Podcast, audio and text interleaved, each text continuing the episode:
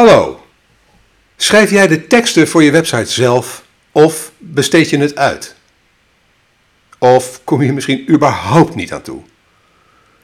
Deze week gaat mijn podcast over de vraag of je de contentcreatie voor je website het beste zelf kunt doen of juist beter kunt uitbesteden.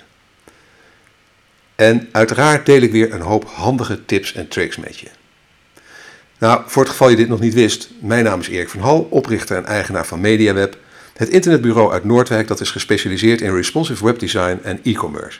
En sinds kort ook van CopyRobin, een dienst waarmee je altijd over een copywriter kunt beschikken voor een bescheiden vast bedrag per maand. Nou, de titel van de podcast deze week is Contentcreatie. Zelf doen of uitbesteden. Nou, wil je je bedrijf laten groeien door content marketing, maar zie je er eigenlijk tegenop hoeveel werk het is? Blijf dan zeker luisteren, want in deze podcast geef ik je een aantal handige tips hoe je de contentcreatie voor jouw bedrijf goed kunt organiseren. En in een eerdere blogpost op mediaweb.nl schreef ik al dat content marketing een duursport is. En in de blogpost van deze week staat er een linkje naartoe. En het is arbeidsintensief en het is een proces, niet een project. Je moet het dus voor onbepaalde tijd kunnen volhouden.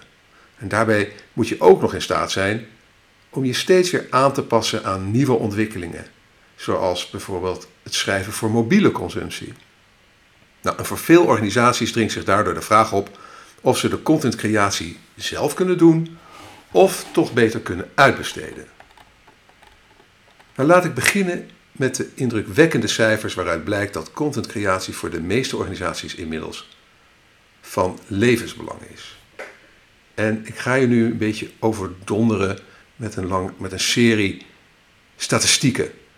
Maar blijf bij me, want ik denk dat het je uh, echt zal interesseren. Zo is bijvoorbeeld volgens een onderzoek van de Content Marketing Institute van dit jaar 86% van alle B2B-marketers en 77% van alle B2C-marketers, die zeggen, uh, die gebruiken inmiddels content marketing uh, voor, voor de promotie van hun organisatie. 70% van de B2B-marketers die creëren uh, dit jaar weer meer content dan vorig jaar. Dat blijkt ook uit datzelfde onderzoek. En 76% van de content marketers verwacht een stijging van de inspanningen van 6, nog eens 36% voor de komende twee jaar. 90% van de consumenten vindt content van bedrijven nuttig. En 82% van hen denkt positiever over een bedrijf dat waardevolle content publiceert. Dat blijkt dan weer uit het onderzoek van Demand Metric. In de blogpost staan de linkjes naar de bronnen. En 70% van de consumenten leert een bedrijf liever kennen via redactionele artikelen dan via advertenties. En 67% meer leads, dat ontvangen bedrijven met een actieve blog vergeleken met bedrijven zonder blog. Nou, daarover kan ik absoluut meespreken. 80% van zakelijke beslissers verkrijgt informatie over een bedrijf liever via redactionele content dan via advertenties. 70% geeft aan zich meer te betrokken te voelen bij een bedrijf dat goede content publiceert.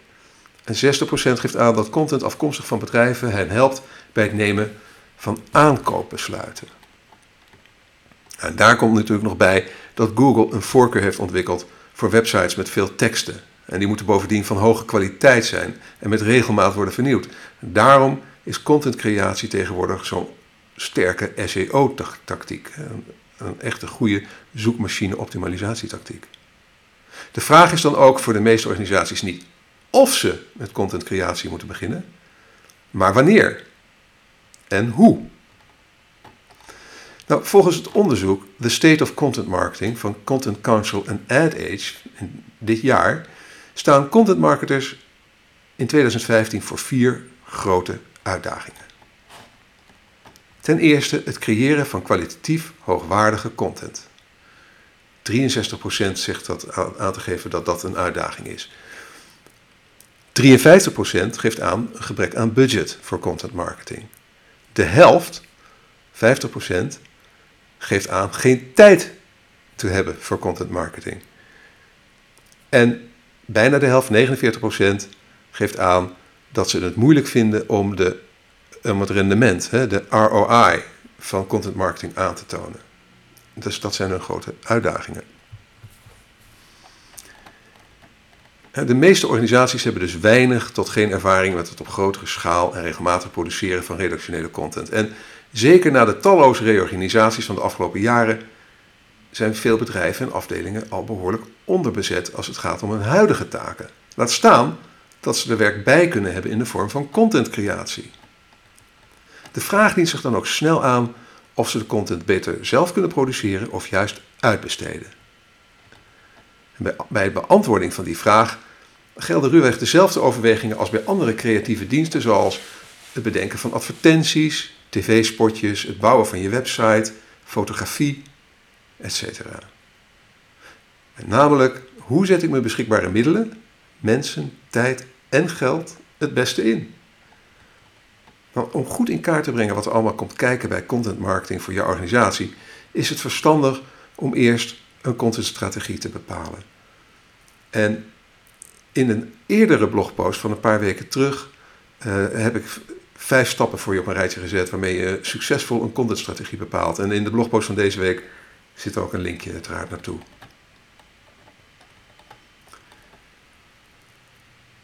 Nou, in de blogpost van deze week heb ik een poll gedaan. Uh, en ik zou het wel leuk vinden als je tijd hebt om er naartoe te gaan en hem in te vullen. Waarin ik vraag uh, eigenlijk of jij contentcreatie zelf doet, of dat je het uitbesteedt, of een beetje van beide, of dat je helemaal niets aan contentcreatie doet. Dus als je het leuk vindt, ga even naar de website en uh, vul, die, vul die poll in. Maar goed, wat je op het gebied van contentcreatie ook doet, je zult hoe dan ook moeten bedenken hoe je ermee wil omgaan, hoe je met content wil omgaan. Ga je vooral reageren op wat anderen zeggen en doen, of beschouw je contentcreatie van strategisch belang voor het halen van je doelen? Laten we eens kijken naar de voordelen als je de contentcreatie zelf ter hand neemt, het zelf doen. want wanneer je content met, uh, content met je eigen mensen produceert, ja, dan heb je een paar voordelen. Ten eerste meer controle over de inhoud en het proces. Je hebt kortere lijnen tussen beslissers en uitvoerders. Je kan makkelijker en sneller veranderingen doorvoeren. Interne mensen begrijpen het merk die begrijpen jouw bedrijf doorgaans ook het beste. En een eigen redactie kan meer tijd besteden aan onderzoek en aan productie. Maar daartegenover staan weer de voordelen van uitbesteden. Want wanneer je de creatie van content uitbesteedt aan derden, ja, dan heb je bijvoorbeeld weer deze voordelen. Ten eerste, externen hebben vaak een andere, frisse kijk op de zaak. En indien nodig kun je over meer capaciteit beschikken. Externen beschikken vaak ook over speciale kennis en vaardigheden die intern niet aanwezig is. Je kunt waarschijnlijk makkelijker een samenhangende stijl opleggen. En vaak kun je meeliften op distributiemogelijkheden, eh, distributiemogelijkheden van externen, hè, hun eigen blogs, hun eigen social media, etc.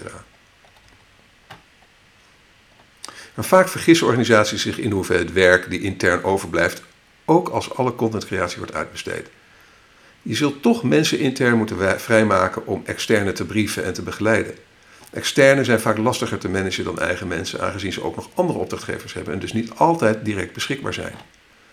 En zeker als je slechts incidenteel gebruik van ze maakt, zijn freelancers zelden goed op de hoogte van de doelstellingen, de cultuur en de voice, of tone, voice en tone van jouw organisatie. En hoe ga je om met de beloning en met de kwaliteitscontrole? Betaal je freelancers per artikel of per uur? Hoe bepaal je of je de geleverde kwaliteit voldoende is? Gelukkig kun je tegenwoordig deze zaak ook goed uitbesteden. Want, en nu ga ik een kleine commercial invoegen in, uh, in deze podcast. Ja, we worden wat, wat commerciëler. En valt het up-to-date houden van je website je eigenlijk zwaar? Nou, met CopyRobin heb je altijd een webredacteur of copywriter bij de hand. En vanaf 79 euro per maand heb je dat al. Probeer het gratis uit. Ga ervoor naar http://copyrobin.nl en plaats een gratis proefopdracht. Nou, tot zover de, de, het verdienmomentje van deze, van deze podcast. Ik hoop dat je dat, uh, dat je dat op prijs stelt. Ik denk namelijk dat het een mooie oplossing voor je kan zijn als je uitbesteden ingewikkeld vindt en intern geen capaciteiten hebt, dan heeft CopyRobin, denk ik, een hele mooie oplossing voor je.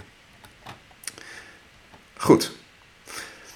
Of je nu beslist om hoofdzakelijk met externe te werken, of juist zoveel mogelijk met eigen mensen te doen, of iets ertussen, je zult hoe dan ook een aantal zaken moeten regelen. Je zult bijvoorbeeld in kaart moeten brengen welke content je al hebt en kunt hergebruiken door middel van een content audit. Het is ook heel verstandig om een publicatieschema op te stellen, zowel voor intern als extern gebruik, zodat iedereen weet wat er wanneer wordt gepubliceerd. Dan is het, ik heb ook gemerkt dat het, het, het, het maken van een publicatiekalender, van een schema, dat dat uh, het, eigenlijk het bloggen een stuk eenvoudiger heeft gemaakt. Omdat je langer van tevoren al weet wat er gaat komen en dus je research wat meer kan verspreiden over de tijd. je weet gewoon van, nou, ik heb een, uh, dan een, uh, je komt iets tegen, oh, dat is voor die blogpost over twee maanden interessant, dan gooi je het alvast in Evernote bijvoorbeeld. Zo werk ik nu. Bespaart er uiteindelijk heel veel tijd. Um, dan moet, je ook besluiten, moet je besluiten welke content je eigenlijk zou willen uitbesteden. en wie is er bijvoorbeeld verantwoordelijk voor zoekmachine-optimalisatie? Wie, wie houdt de SEO in de gaten? Een stijlgids uh, opstellen met je voice en tone en waar, waaraan je ook alle, uh, waarin je aangeeft waaraan content zich moet conformeren. Zeker als je het gaat uitbesteden ook aan derden. Het is belangrijk dat ze dat soort informatie van je hebben. En lange termijn afspraken maken met freelancers die je goed vindt. Of uiteraard een abonnement nemen bij Copyroll. En daar zijn we weer. Nou goed, je kunt hoe dan ook alvast beginnen met ehm, de vijf slimme tips die ik uh, twee weken geleden uh, uh, over schreef. en ook een podcast over heb gemaakt. Vijf slimme tips om je website actueel te houden. Er staat uiteraard een link in de blogpost.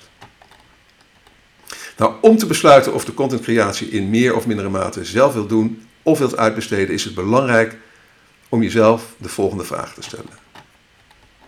1. Hebben we iemand intern die goed in staat is om de externe leveranciers te vinden en vervolgens aan te sturen? 2. Als we contentcreatie uitbesteden, hebben we dan nog wel iemand intern die eigenaar is van de content? En dat is echt een belangrijk punt. Als niemand zich eigenaar voelt van het probleem, gaat het gegarandeerd mis. Dan verwatert het gegarandeerd. Stel intern altijd iemand aan die de eindverantwoordelijkheid heeft over de content voor je website. Nou, en stel dat je een campagne ophangt aan een bekende, aan, een bekende Nederlander of een, een, beroemdheid. Ja, is die persoon authentiek en oprecht en heeft hij een band met de content die, die je produceert? Dan is die persoon lang genoeg beschikbaar om er gedurende de hele campagne te zijn voor je organisatie en je publiek. Het zijn ook bepaalde vragen waar je tegenaan kan lopen. Goed. Ga jij met jouw organisatie de contentcreatie hoofdzakelijk zelf doen? Of kies je ervoor dit werk zoveel mogelijk uit te besteden? En wat zijn daarbij jouw afwegingen? Ik zou het heel leuk vinden als je, wanneer je er even toe in de gelegenheid bent, naar onze website gaat, naar deze blogpost en onderin de, bij de reacties jouw gedachten daarover met ons deelt. Met de rest van de mensen die het lezen en die naar deze podcast luisteren. Nou, dat was het weer voor deze week. Bedankt voor het luisteren. Als je graag op de hoogte blijft, schrijf je dan in op onze nieuwsbrief via bit.ly slash mediaweb-nieuwsbrief. En je krijgt dan bovendien deel 1 van mijn e-book Online Marketing Checklist editie 2015 uh, eh, cadeau. Die kun je dan downloaden. Nou, um, morgen niet, maar normaal gesproken zo'n beetje elke vrijdagmiddag om drie uur hou ik een webwalk via de video, uh, streaming video app Periscope. Op, uh, en die kun je op iOS of Android installeren. Um, als je dat interessant vindt, volg, volg onze Periscope-handle. die is gelijk aan onze Twitter-handle en dat is @mediawebnl. Als je met plezier hebt geluisterd, laat dan een review achter bij SoundCloud of in de reacties onder de blogpost op onze website. Nogmaals, heel erg bedankt voor je aandacht en heel graag tot de volgende keer. Dag.